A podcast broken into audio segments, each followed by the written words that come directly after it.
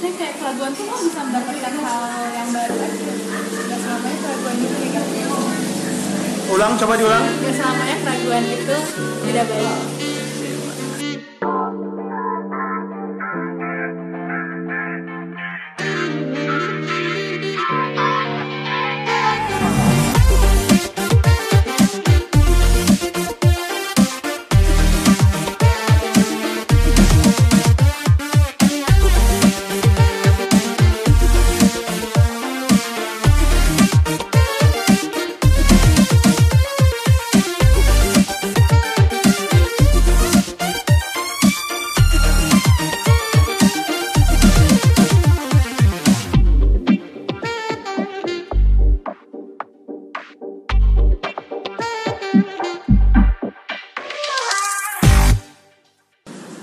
Ngomongin, ngomongin apa tadi?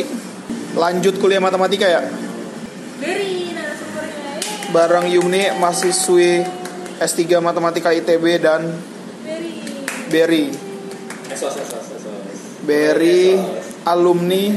Jangan kenalin esos. kepala sekolah Kan ini ngomongin lanjut kuliah, ya nggak guys? Gojek, sama Jori. Iya, lu yang nulis. Kalau gua kan eh, alumni eh, Applied Math. gila Halo, Randy Robert.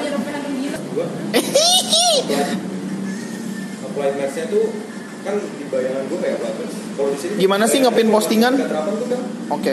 Halo, Fake. udah lu banyak numeriknya gitu lu harus benar-benar terapin. Kalau di sana tuh matematika terapannya juga ada bagi lu numerik atau teorinya, analitiknya gitu.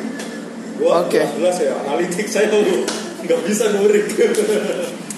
So we're online. Hahaha.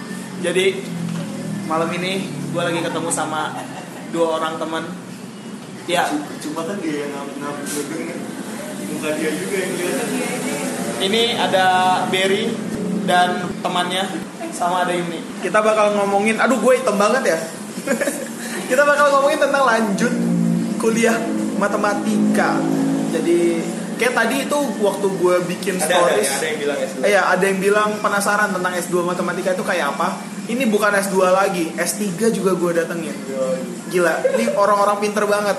Ya, jadi buat Ya, lo yang pinter, butuh informasi-informasi kayak gini, gue gak suka dibilang pinter ayo bisa kita mulai sekarang. Yeah. Halo, Randy Robert Om. Om Om aja. Ada ada Ari Utama sama Fikri.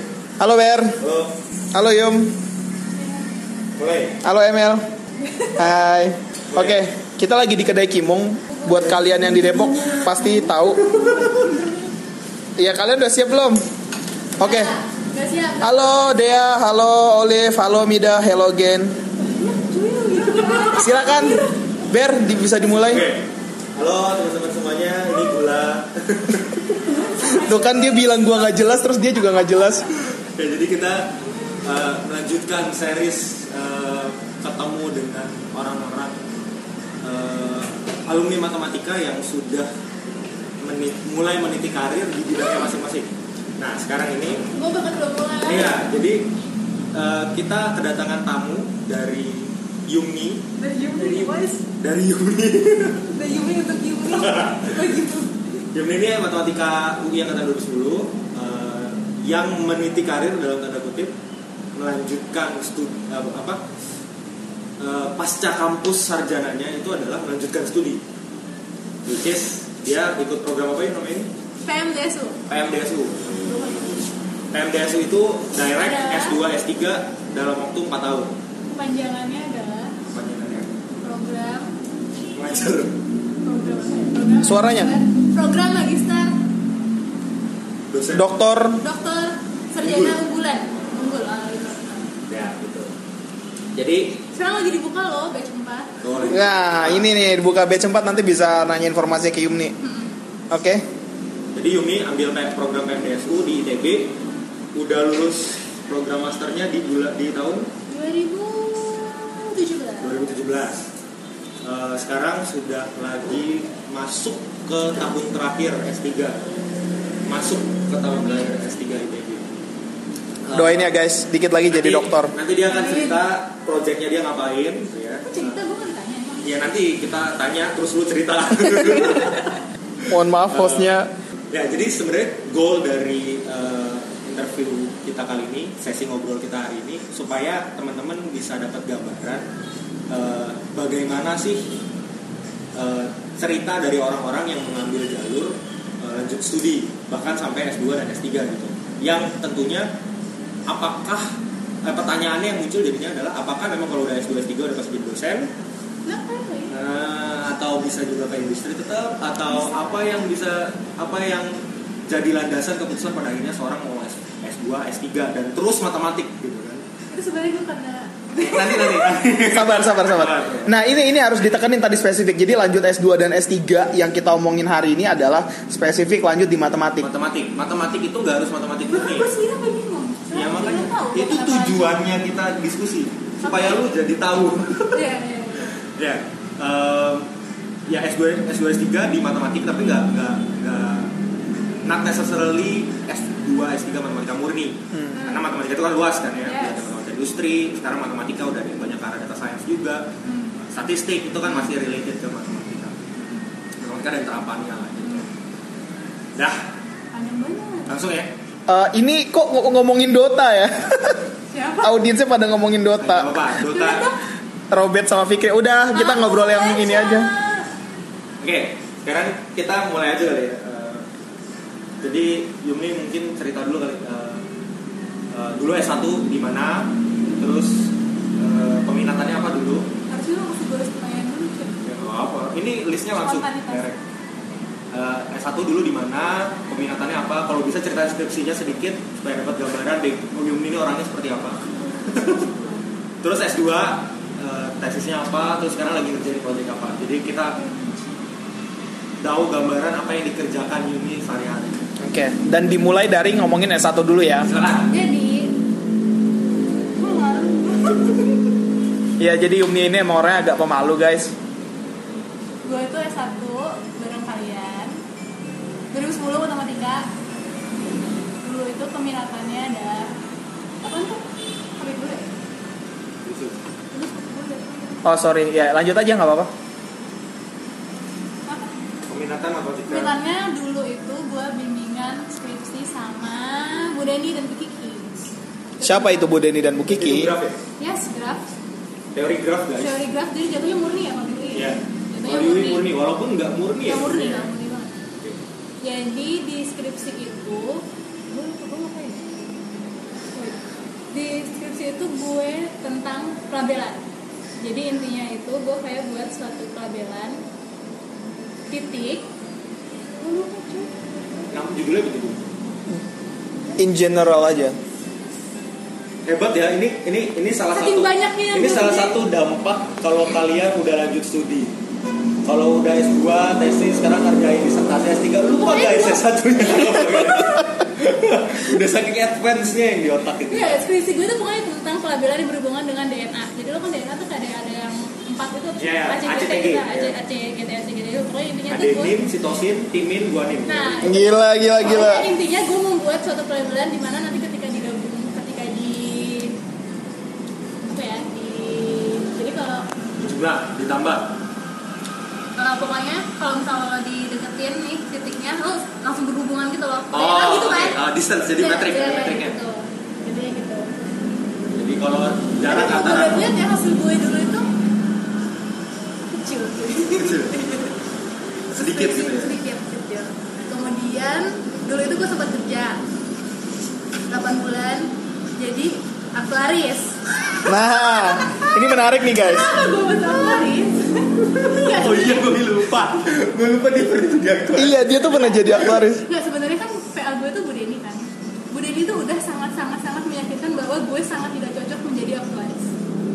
Beliau tuh udah sangat sangat bilang, kamu tuh jangan ngambil ini tuh kamu tuh nggak cocok kamu tuh gini gini gini. Tapi karena gue sangat keras kepala, akhirnya gue tetap ngambil kan tuh kuliah kuliah kuliah statistik aktuari aktuari gitu dan akhirnya Banyak tuh waktu itu ngambil kuliah statistik banyak. iya banyak. Tapi gue tetap ngambil murni juga. Terus karena udah tahu udah terbukti dan nilai gue terus semua semua dimarahin sama Deni. Bu Deni bilang, kan saya udah bilang katanya, kamu tuh gak cocok bla bla bla bla bla." gitu. Dan terus akhirnya, tapi kan karena waktu lulus tuh jujurnya, sejujurnya gue waktu lulus itu yang kayak gue gak tahu mau ngapain. Pasti kan Normal kan.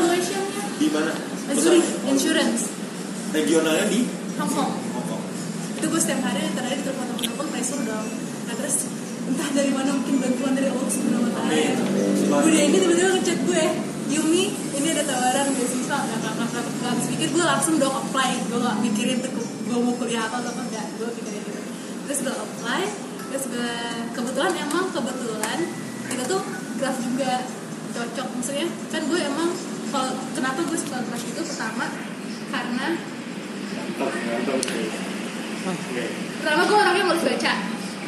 Jarang ada orang bisa bilang gua suka graf karena maksudnya gini ya bukan bukan bukan berarti suka. Eh, maksudnya katanya gue kenapa dia pressure pengen kenapa gue lebih prefer prefer draft dibandingkan yang lain? eh, topik-topik lainnya? Karena pertama gue orangnya harus baca. Ih gue oke ada gue Oh lagi ada telepon sebentar, bentar ya guys. ya malam ini Oke, jadi buat yang baru datang, halo Yosua, halo Fikri, halo Niken, halo Gita. Kita lagi ngobrol sama Yumi. Jadi uh, basically topiknya itu tentang lanjut kuliah S2 ataupun S3. Yang spesifik ngomongin lanjut kuliah matematika. Hari ini kita ngobrol sama Berry sama Yumi. Jadi buat kalian yang ada pertanyaan, yang ada jail-jailan, jangan deh. Ya udah kalau ada pertanyaan atau ada request ngobrol apa gitu sama Yumi sama Berry di komen aja. Jadi komennya itu tolong jangan Dota atau jangan halo-halo doang ya. Oke, thank you. Yuk lanjut yuk. Yumi udah kelar. Oh ya, mohon maaf ini ada piring-piring selesai makan. tadi sampai itu apa kenapa gue lebih prefer Kenapa lu prefer draft? dengan yang lain lainnya lu males tadi lu males apa gitu Males baca Males baca baca Dan menurut lo graf uh, nggak sebanyak yang lain perlu bacaan. Iya, menurut gue ya, menurut gue pribadi ya. Padahal kan sebenarnya tetap harus baca juga. graf tuh gimana sih maksudnya kan labeling itu kan lu berarti menghayal Apalagi coloring, ya kan? labeling gitu kan. Gue Iya. gak perlu literatur banyak-banyak, yang penting gue ngotak ngatik, Iya, menurut ngotak udah ngatik ya. gitu kan. jadi lebih banyaknya tuh ngotak ngatik Yes, Oh, itu gitu, makanya, itu makanya gue lebih suka gitu. ya ya ya jadi nggak terlalu banyak Dan konsep ternyata- definisi teorema gitu ada Dan gue tuh pertama menyadari ternyata lebih lebih enak dibandingkan yang lainnya itu kayak yang pas deskripsi itu. Oh ternyata seru juga ya gitu kan dibandingin yang lain atau apa gitu. Terus apa? Matt? S2 S3 tadi S2 S3 dapat nih apply terus apply itu gue PMDSU uh, batch 2 itu programnya 4 tahun jadi gue start 2015 harusnya lulusnya harusnya lulusnya 2019 tahun depan Tahun depan guys, gila, Dokter, do- guys. calon dokter tahun depan, doain, doain, doain. Cuman harus harusnya lulusnya sih jatahnya setahun lagi gitu kan dan kebetulan emang dosen yang lagi buka beasiswanya itu salah satunya ada di Graf juga Oh. makanya di itu kayaknya si Fikri juga ditawarin Fikri Fik- ditawarin sama Fikri yang ada di sini lagi nonton yes, nih. yes, yes. Itu dia ditawarin Tapi Fikri enggak, tidak ada lebih milih aktuarias gitu. Dan sampai sekarang Brand masih menanya dia Fikri gimana sekarang Fik, denger gak Fik? jadi apa sih Ya udah kita nggak usah ngomongin Fikri, nggak penting. Fikri udah jatahnya kemarin. Nah itu kan Terus Apply Canda, bercanda. Nah, Apply-nya tuh eh, oh iya apply-nya gimana Apply-nya ada bikin proposal gitu Enggak, jadi sebenarnya yang pasti? Enggak, enggak lanjut. Enggak Fikri ketawa aja Fikri. Enggak lanjut. Apply-nya itu sebenarnya lo apply ke univ masing-masing.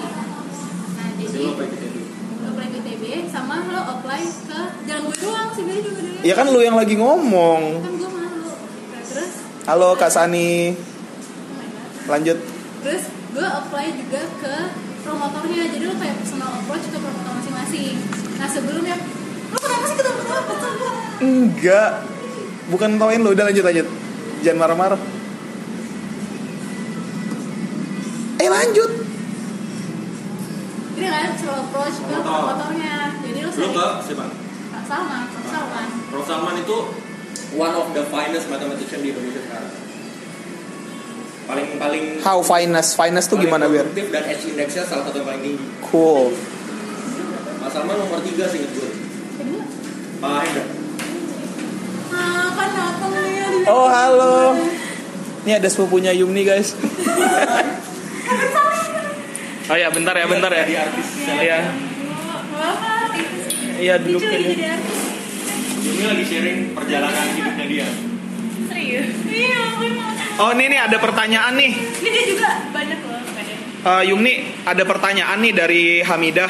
Iya. Harus kenal nggak sih kak sama promotornya? Ya, oh enggak sih, gue awalnya nggak kenal.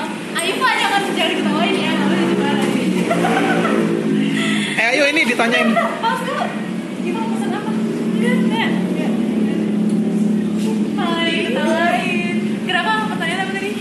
Nih ada pertanyaan dari Hamidah. Harus kenal nggak sih kak sama mo- sama promotor? Gue awalnya nggak kenal sama Pak Salman. Eh, awalnya nggak kenal sama Pak Salman. Gimana approach-nya? Approach-nya gue email aja. Oh email. Hmm. bilang kalau gue masih dulu S1 nya di sini masih di mana ini gini gini gini dulu ambil topik risetnya apa skripsi gini gini gini tertarik kalau mulai bla bla bla bla bla nanti kalau udah ngomong gitu pak jangan di story ya balas story nah terus nanti sama dari jadi masing-masing promotor itu seleksinya beda-beda kalau gue kalau Pak Salman waktu itu cuma seleksi CV sama seleksi udah Apa ijazah, tesis, eh, skripsi? Lu dilihat ini enggak? TPA Apa gue. skripsi lu? iya dilihat skripsi gue terus gue udah lihat eh, yang nulis apa bahasa Inggris apa ITP-nya ITP. ITP-nya Oh. dan setiap dosen tuh beda-beda jadi kalau jadi waktu pertama gue masuk ITB itu gue sebenarnya belum tahu gue udah dapet beasiswa itu atau enggak jadi gue masih gambling Oh. Oh. karena telat gitu dia jadi gue awal-awal tuh Jadi terpisah prosesnya ya. Ini beda beasiswa. Iya, iya. Jadi gue awal masuk, jadi gue awal masuk itu masih belum tahu gue dapat atau enggak. Jadi gue benar-benar ya udah memang rezekinya di situ kali jadi udah dapat nggak dapat tetap lanjutin kuliah gitu kan. Ternyata dapat. Alhamdulillah. Alhamdulillah. Tapi itu berlaku buat semua kampus berarti ya? Maksudnya berarti Emang emang tahu ya gue kalau setiap kayaknya setiap univ itunya beda-beda. Setiap apa? Setiap univ atau institut eh, admin prosesnya gitu-gitu beda. Tergantung promotornya Nah, juga Nah, mungkin. iya benar. Kalau di ITB itu kan mengharuskan mahasiswa UNBSD itu harus lulus S2 dulu, harus tesis dulu, baru bisa berhasil. Tapi ada beberapa univ kalau institut yang nggak pakai tesis. Untuk bisa lulus Jadi program PMBSD ini bukan semuanya dijatuhkan ke S3. Iya, jadi langsung S3. Langsung S3, nggak perlu Jadi S2. sebenarnya nggak ada, masternya. Oh gitu. Kayak di luar negeri ya. Di luar negeri kan Amerika terutama ya itu banyak program-program matematika tuh jarang banget yang ada master kecuali eh, yang praktikal kayak data science, eh, modeling itu banyak yang punya master tapi biasanya kalau yang pure atau applied mathematics tapi yang theoretical gitu itu applied mathematics dan theoretical Ya. jadi Oh, applied ya. mathematics itu ada dua ada yang biasanya numer- numerical sama analytical gitu nah kalau yang analytical tuh biasanya juga udah jarang banget yang ada numerical juga sih jarang banget yang ada pasar ke PhD. baju baju. gitu oke terus uh, project lu apa di di ITB Jadi riset gue, riset gue itu tentang uh, pewarnaan. Ah, bentar, ini masih ngomongin promotor. Ada pertanyaan lagi nih. oh. Nah, jadi kita nyari sendiri kak promotornya. Jadi Minta gini. tips dong cari atau milih promotor dari Fikri. Eh, nggak apa-apa ini, nggak apa-apa dia Nah, nanya. jadi sebenarnya targetnya uh, sasaran isi PMDSU ini adalah fresh graduate. Oke. Jadi lo bisa nge-apply-nya itu maksimal 3 tahun uh, maksimal mana ya? Tiga Jadi tahun kalau- setelah lulus? Iya, jadi misalnya kan gue kita lulus 2014. Berarti lo paling maksimal 2017 lo bisa berarti ya, ya. kalau 2010 2011 mungkin terakhir tahun ini ya Iya, kayak gitu. Jadi kalau misalnya angkatan 2000 sebelum 2000 yang lulusnya 2013 15 lulus 2013 lulus berapa? ya ya udah pokoknya batasnya sekian tahun setelah lulus gitu ya. Nah, pokoknya pokoknya lulusan kita dia udah gak bisa nge-apply lagi karena udah lewat dari tiga tahun. Kecuali gua Iya, sih ini gua udah tahu. Ya gua nggak mau juga sih. Nah jadi biasanya nanti di website masing-masing kuliah itu ada dikasih list-list nih promotor-promotornya siapa aja. Nanti lo tinggal pesan approach ke beliau. Ah jadi jelasin promotornya profesornya siapa jurusannya apa topiknya apa nanti udah dikasih lihat tuh eh, bagian risetnya selama 4 tahun ke depan oh Ah. jadi promotor tuh udah punya Iya, jadi risetnya sebenarnya Iya, benar. Itu udah diseleksi dulu sama diktinya. Jadi kayak setahun sebelum itu promotornya itu udah ngasihin proposal, diterima enggaknya sama dikti itu nanti diumumin, nah baru dari situ baru dari dari. Coba tadi uh, boleh lanjut nggak langsung ke topik ini Boleh. pewarnaan pewarnaan kayak gimana kita langsung lanjut ke topik tadi ya kalau ada yang masih mau nanya lanjut aja ya lanjut Yum pewarnaan pelangi Rainbow coloring. ya jadi bahasa Indonesia jadi ya? Pelangi. gue mau ngelawak nggak jadi deh oke rainbow coloring itu kayak gimana Rainbow Maaf ya. coloring itu intinya eh, lo mewarnain titik eh, di graf ya, karena titik ada sisi. Lo mewarna memberikan warna apa tuh? Gue males deh kalau udah kayak gitu. Enggak, gue dengerin lu, gue kangen aja dengerin omongin dia maaf ya maaf maaf. Gue kangen aja dengerin obrolan kayak gini.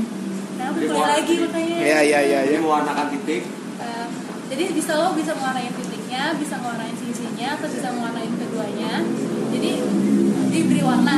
Nah, eh, gue itu tujuannya adalah jadi untuk setiap tiga titik. Jadi sebenarnya dasar mulai itu untuk setiap dua titik.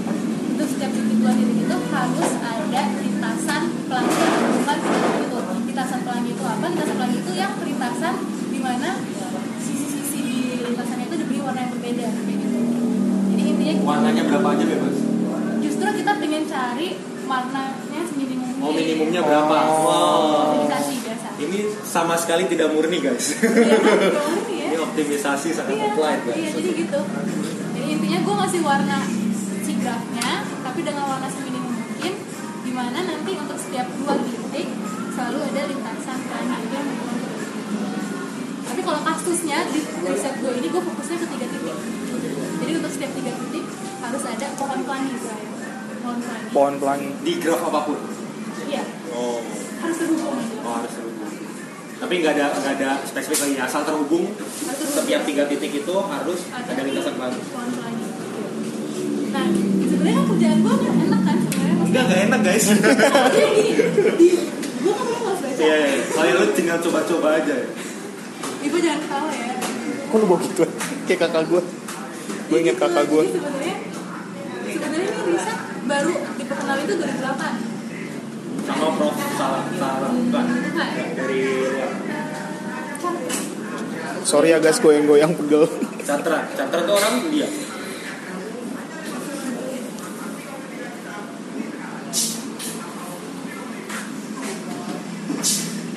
Bentar ya, Bang. ya terus eh, tadi Siapa Pak? Chandra, Chandra.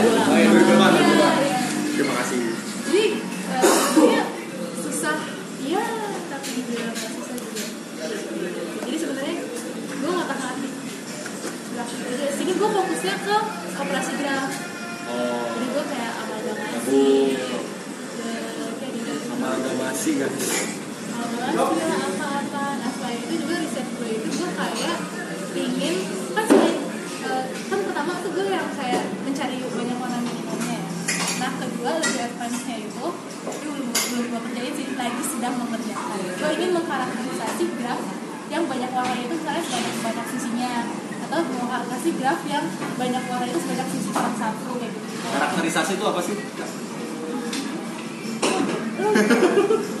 Dan ini gak sih kayak eh, short shortcut gitu gak sih kalau karakternya kayak gini pasti kayak gini, gini ya kayak gitu. Nah, gue lagi fokus kerjanya ke situ karena selama ini kan sama hampir dua tahun. Ini gue ngerjainnya cuma cari banyak orang minum, orang minum, minum. Terus gue dosen gue tuh yang kayak bosan ya pak gitu terus pada dosen maksudnya kayak pak kok kayaknya pengen yang lebih lebih lain lagi gitu. Karena kok kayak kalau buat di paper ini sebenarnya bagus. Karena sebenarnya kan mencari banyak orang yang minum itu kan sebenarnya susah. Tapi kadang kalau kita tahu hasilnya ah ternyata cuma gitu doang. Tadi nggak tahu di ruangan tadi belakang nah, terus yang jadi jangan ini deh eh, lari ke gue lagi ngerjain itu. Terus terus terus emang eh, signifikansi riset lo pasti impactnya tuh kayak gimana sih? maksudnya kalau memang lo dapat minimumnya seperti apa karakterisasinya kayak gimana? Terus ada gak sih impactnya? Impactnya gue banyak publish paper pasti ya guys itu pasti. Maksudnya eh, sebenarnya ini biasanya eh, teori-teori soal pewarnaan graf ini banyak banyak aplikasinya aplikasinya ini sebenarnya motivasi munculnya pewarnaan itu dari masalah eh, keamanan. Ansip ansip. Ansip ansip. Kayak keamanan di komunikasi gitu loh. Jadi lo misalnya dua titik tadi ini lo bisa asumsikan sebagai dua orang dong. Hmm. dua orang yang berbeda lo bisa suatu jalur yang menghubungkan kedua ini kan komunikasi lo mau lewat HP atau apa kan pasti ada pasti ada jalur yang menghubungkan kedua ini. Nah, supaya aman kita nih nah passwordnya itu dilambangkan dengan warna-warna ini nih yang berbeda dan kita pingin dari sisi ekonomis kita pingin yang semudah mungkin Ya. Pokoknya kalau soal optimisasi itu aplikasinya pasti ada. Tapi kenapa ya? Menurut lu kenapa sih graph teori itu masih kalau di UI jadi ditaruhnya masih murni? Padahal lebih lebih operational research. Kalau di ITB sih dia ada kakaknya sendiri, kakak itu uh, akhir. Jadi. Kakak graf gitu. uh, kombinatorik. Kombinatorik. Oh, kom di kombinatorik ya. ada lima di ITB. Nice, nice, nice. Jadi lo udah langsung fokus ke situ. Terus terus, em, oke selesai di situ rencana selanjutnya? Guys, Tolong eh, viewers ini tinggal satu sih tadi yang kayaknya potensial buat memenuhi rencana ini udah pergi kayaknya. Ya siapalah yang merasa gitu. Jadi jadi soal. Gimana Ber? Ada tanggapan nggak? Eh, uniknya adalah summary oke jadi dari awal tadi kita udah udah ngomongin tentang ceritanya Yuni dari S1 sampai sekarang dia lagi eh, jadi mahasiswa S3 di ITB Eh, bagaimana dia menemukan kesukaannya dia di bidang graf karena karena dia kar berawal dari kemalasan dia yang membaca gitu ya. Biasanya kayak gitu guys. Biasanya kayak aku malas ngelakuin biasanya anak matematik itu masuk matematik karena malas ngapal gitu kan biasanya itu salah satunya. Ini dia pilih lebih spesifik lagi graf karena ternyata enjoy dan gitu kan. ternyata ya. Terus prosesnya dia di PMDS juga eh, kalau berarti kalau teman-teman masih mau nanya lebih lanjut nanti kita eh, mention aja kali ya. Eh, Instagramnya Yuni kalau ada yang mau nanya langsung DM aja guys PMDSU ada lagi buka batch 4 katanya? jadi kalau mau nanya terus soal riset nah sekarang gue pengen masuk ke sesuatu yang banyak dipikirkan oleh anak-anak yang masuk murni which is bisa hidup nggak sih? Hidup nah makanya biasanya ke mana sih karirnya gitu? Kayak soalnya kadang-kadang kalau mikir oh kalau jadi dosen gue hidup dari mana? Duitnya emang ada dan lain sebagainya. Nah, stigma Eh, itu kan gue belum sampai ke sana, nah makanya yang lu tahu sekarang dari lu ngeliat profesor-profesor lu itu biasanya mereka jalurnya kayak gimana? Gini ya, semenjak gue gue akuin sih kalau di ITB itu risetnya sangat-sangat lebih maju dibanding riset dengan univ yang lain. Risetnya sangat lebih maju dari univ-univ atau institut lainnya. Jadi kalau di sini nih gue senangnya eh, dosen-dosen itu sangat mengencourage eh, mahasiswanya buat riset, buat publikasi, buat ikut konferensi ke sana sini sini. Dan mereka tuh gak cuma yang sekedar nyuruh-nyuruh aja, tapi mereka memfasilitasi juga, misalnya bantuan dana kah, atau misalnya bantuan apa kayak gitu kan. Jadi sebenarnya salah satu motivasi gue juga kenapa gue senang, gue senang sih kenapa gue tetap stay bertahan di sini tuh ya karena itu jalan-jalannya cuy.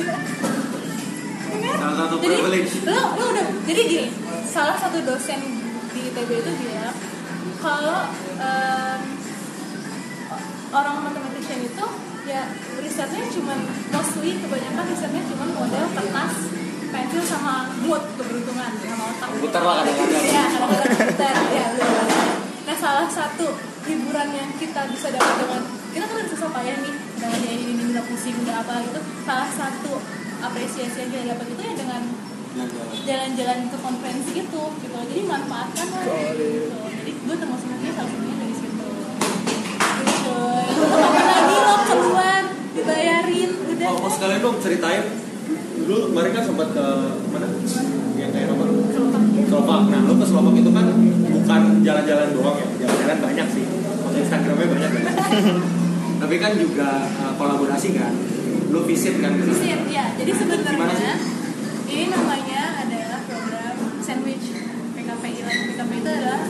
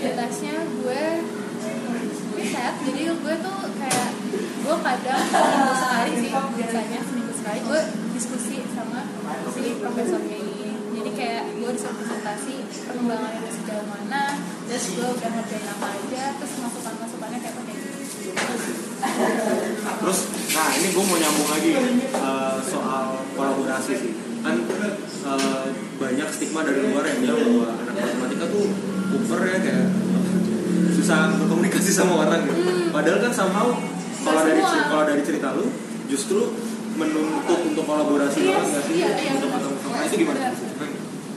Maksudnya gimana pengalaman lu eh, lu dipaksa untuk pada akhirnya berkolaborasi sama gue gak dipaksa sih gue Wih deh. Ya ini contoh.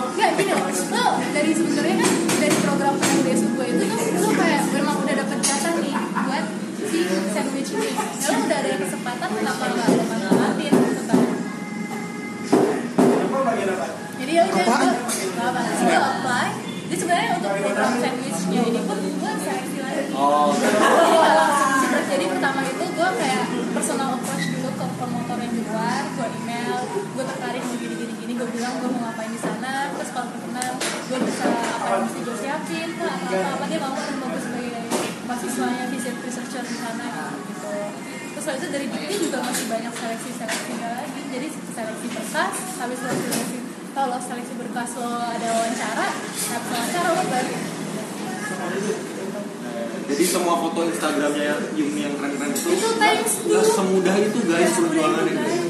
gue cuma yang seneng-senengin doang, gue taruh. Oke oke oke.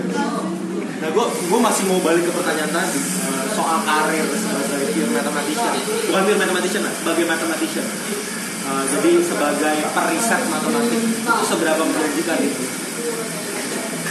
Jujur-jujuran aja. Sebenarnya balik ke pribadi masing-masing ya. Menarik. Benar. Balik ke pribadi karena kadang Eh, bentar, bentar, bentar. Lagi ada motor besar lewat. Silakan. gini ya.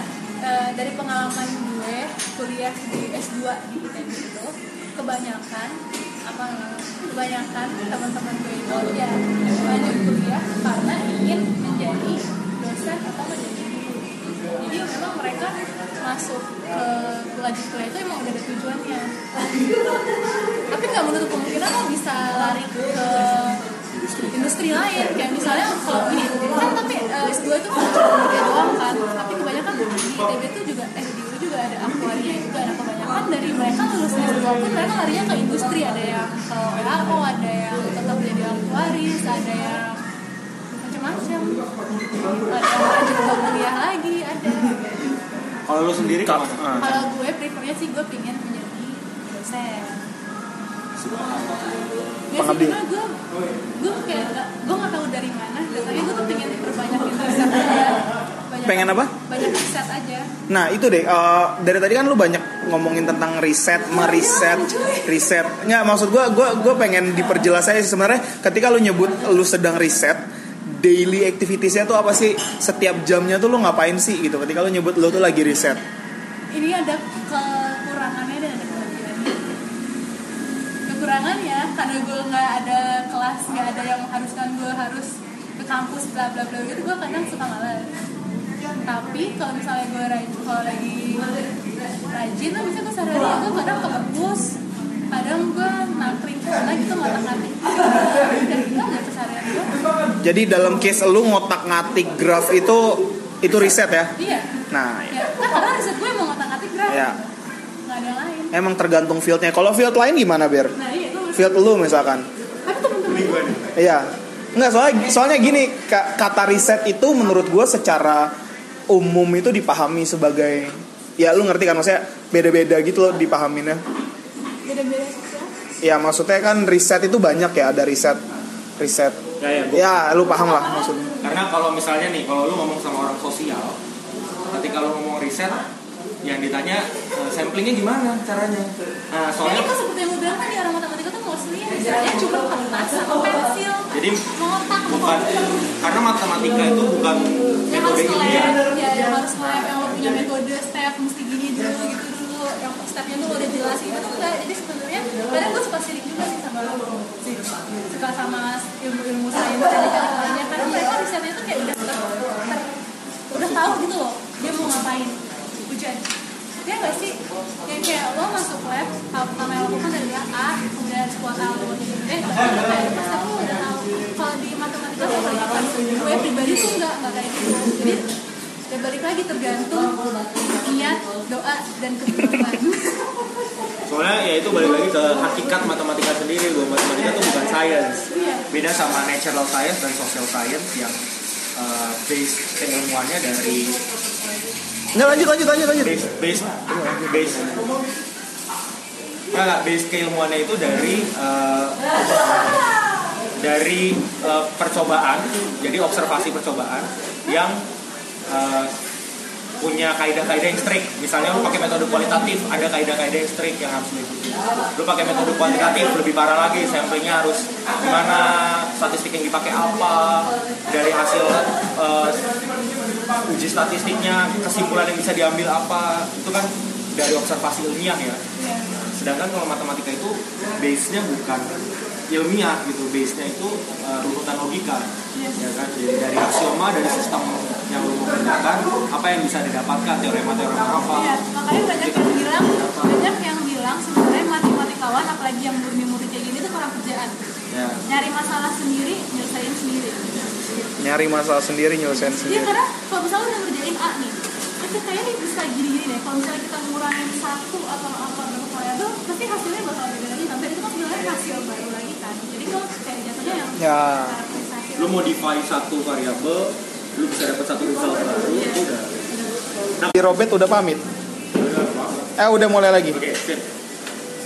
Nah ya, jadi kalau gua agak beda sedikit. Em, bukan karena beda gaya ya, tetap sama aja. Mostly kerjaan seorang matematikawan, peneliti matematika itu pasti ngotak-ngatik, ngotak-ngoret-ngoret, ngotret-ngotret gitu bahasanya. Cuma bedanya adalah kalau field gua itu banyak eh, ambil insight dari fisika. Karena gua kan applied mathematics-nya dari gua kan applied mathematics matematika terapan. Dari matematika terapannya kan gua partial differential equation jadi persamaan diferensial parsial yang eh, insight-nya itu dari bagaimana fluida bergerak bagaimana air bergerak bagaimana angin bergerak. Lalu gua aplikasikan ke waktu itu gua yang angin kan di udara udara Nah, nah waktu itu gue aplikasikan itu ambil uh, insight-nya untuk diaplikasikan ke uh, alur arus lalu lintas jadi traffic flow. Nah itu karena insight banyak dari fisika gue harus banyak belajar tentang konsep karena gue backgroundnya bukan fisika.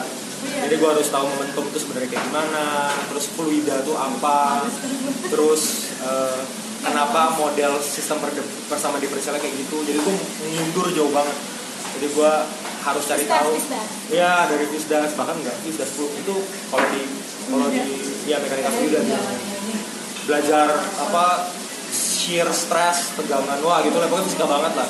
Dari situ baru gue fokus ke kalau udah tahu nih ya tahu bahasa-bahasa yang dipakai kan itu istilah-istilahnya beda-beda ya. Percepatan momentum kepadatan dan sebagainya yang nggak ada di matematik. Gue udah tahu bahasanya baru gue bisa fokus ke persamaannya. Baru gue kotak-katik pakai tools tools analis fungsional. Baru tuh yang ngotret-ngotret tuh.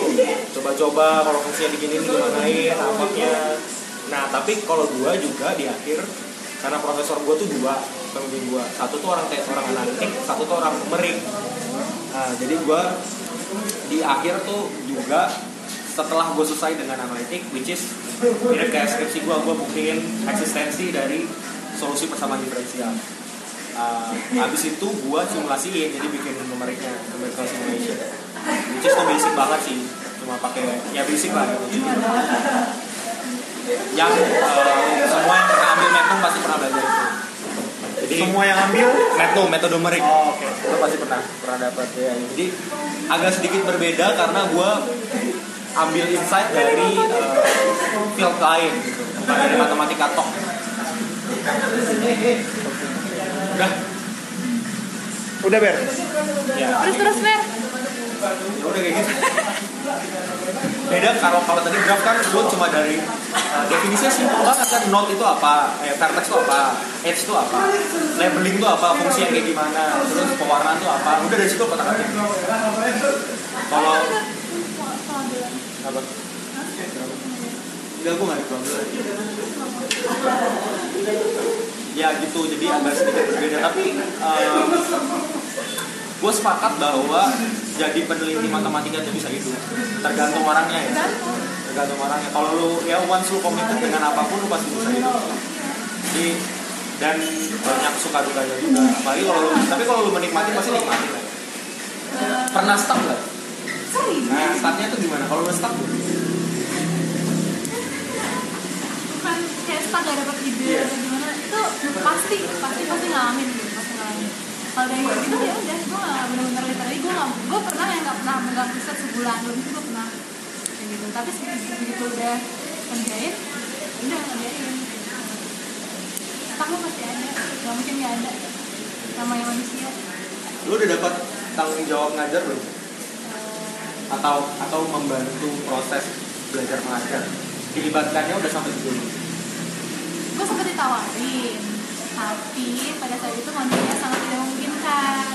Jadi gue menolak dulu cuman sampai sekarang sih paling gue bantuinnya yang kayak bantuin koreksi terus gue kadang bantuin kan gue jadi asisten risetnya si Prof Salman juga. Paling kayak bantu-bantu beliau buat buat risetnya keperluan beliau seperti apa tapi lu kalau bantuin riset itu lu jadi co-author ya? iya. Jadi jadi nama lu tertulis juga? Ah, bantu. ngomongnya Harus bantu-bantu tapi dapat juga. Iya, dapat tetap ya. harus dong. Kan fair fair lah dong kita. Walaupun eh, itu gue cuma sedikit kan gue membantu. Ya walaupun nama gue belakang belakang nggak apa-apa lah. Oke eh, mungkin nutup aja kali ya? Ya Saya sebenarnya pengen ini sih uh, buat teman-teman yang mau lanjut S2 S3 di bidang matematik jadi peneliti matematika tapi masih belum yakin dengan segala macam alasan ketidakyakinan yang kalau emang pengen ya udah. Ya apa apa yang bisa dilakukan untuk meyakinkan diri dan step apa yang bisa dilakukan oke gue ngapain gitu untuk bisa lanjut jadi peneliti matematika? Iya pertanyaan. Apa kan ada apa ya Iya lu nggak kayak bertanya soalnya ber. ya udah, ya udah jawab. Nggak udah tuh pertanyaan.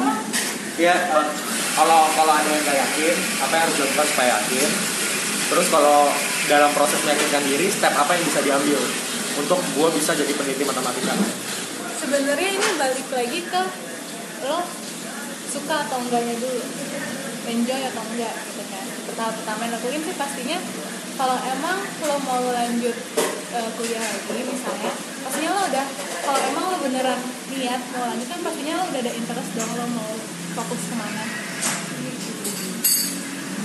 Udah ada interest kan lo gimana eh, kayak gue sih biasanya eh gue kan sebenarnya gimana ya step. Ini bingung ditanya.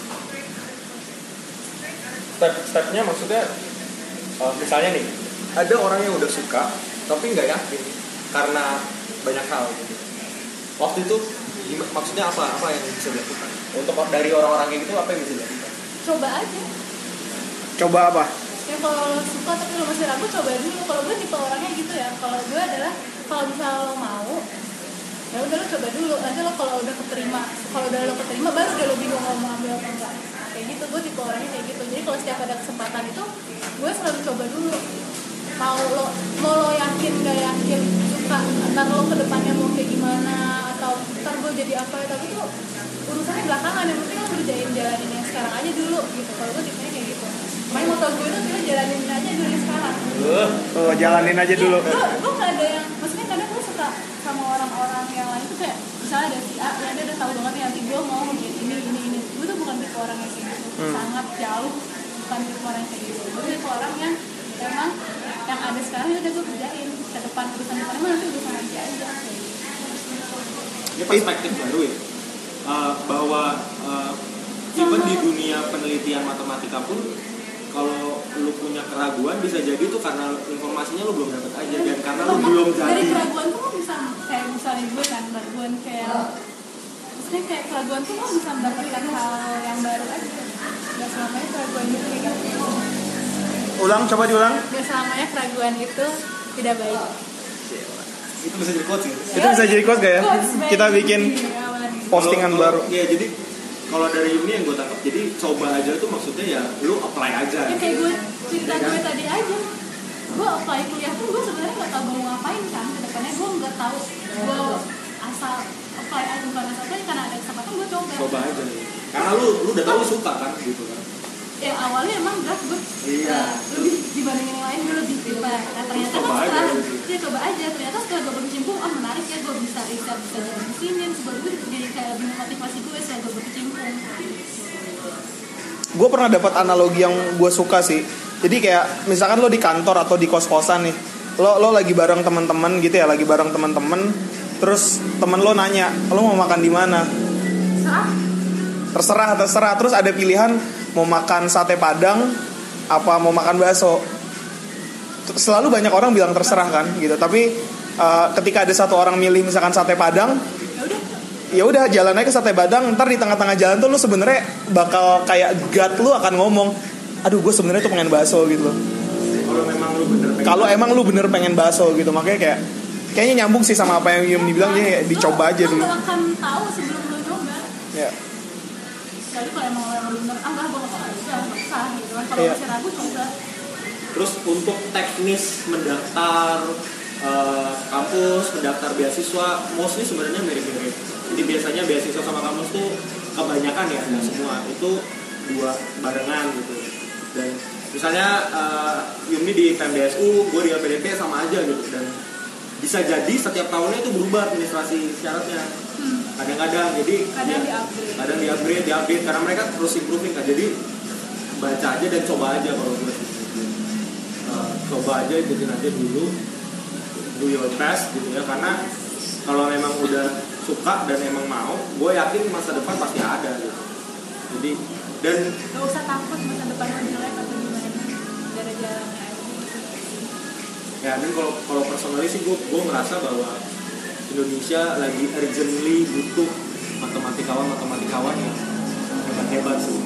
Kalau semua lulusan terbaik matematika eh, tidak menjadi matematikawan ya sulit juga nanti masa depan matemat apa pendidikan matematika di Indonesia gitu. karena tapi gue lihat semakin ke sini orang-orang semakin banyak yang bagus. Nice. nice.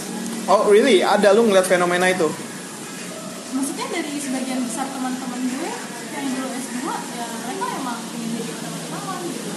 Mungkin kurang terekspos aja. Makanya kita butuh platform ini supaya kita bisa mengekspos orang-orang seperti ini dan teman-teman ini. Karena kadang-kadang yang baru mulai ber, memulai apa ya punya mulai punya keinginan untuk jadi matematikawan belum punya role model gitu kan. Nggak tahu kayak gimana sih jadi matematikawan jadinya susah ngebayanginnya jadi buru takut gitu kan. Makanya kita butuh nih ketemu orang-orang kayak ini untuk meyakinkan teman-teman kalau memang mau S2 S3 matematika jadi peneliti matematika berkarir sebagai matematikawan peluangnya sangat-sangat. Peluangnya sangat besar duit aja. Duit ya bukan duit money ya. Duit maksud lo duit lakukan Duit. saja. Ya duit. Bukan duit. Nggak takut salah dengar aja. Udah. Ya? Nggak ada sih. Udah nih tadi eh, paling ada komentar-komentar sate padang lebih dari bakso. Tapi oh tadi pertanyaan udah dijawab semua kok Eh, Oke, tambahan lagi mungkin ini masih eh, series ini tuh masih masih MVP guys, jadi masih minimum viable product. Jadi ini kita masih trial and error. Jadi kalau teman-teman punya punya input Masukan. masukan, mau topiknya apa gayanya seperti apa uh, narasumbernya siapa feel free untuk kasih input ke kita karena tujuannya adalah supaya bikin matematika lebih aksesibel ke semua orang dan buat teman-teman yang dari matematika punya role model punya tahu kira-kira alumni-alumni baru atau bahkan alumni-alumni lama juga bisa kasih inspirasi pathway-nya kayak gimana kalau menjadi eh, profesi-profesi yang ada di yang bisa dimasuki oleh para matematika kira-kira kayak gitu Oke. Oke guys, thank you buat hari ini. Next time kita akan ketemu dengan orang lain lagi. Thank you Yumi udah Thank you ya Yum. Wah, satu kedai kimung tepuk tangan. Tepuk tangan dong, tepuk tangan. Nah. Mil, tepuk tangan Mil. Thank you ya Yum. See you. Dah, bye.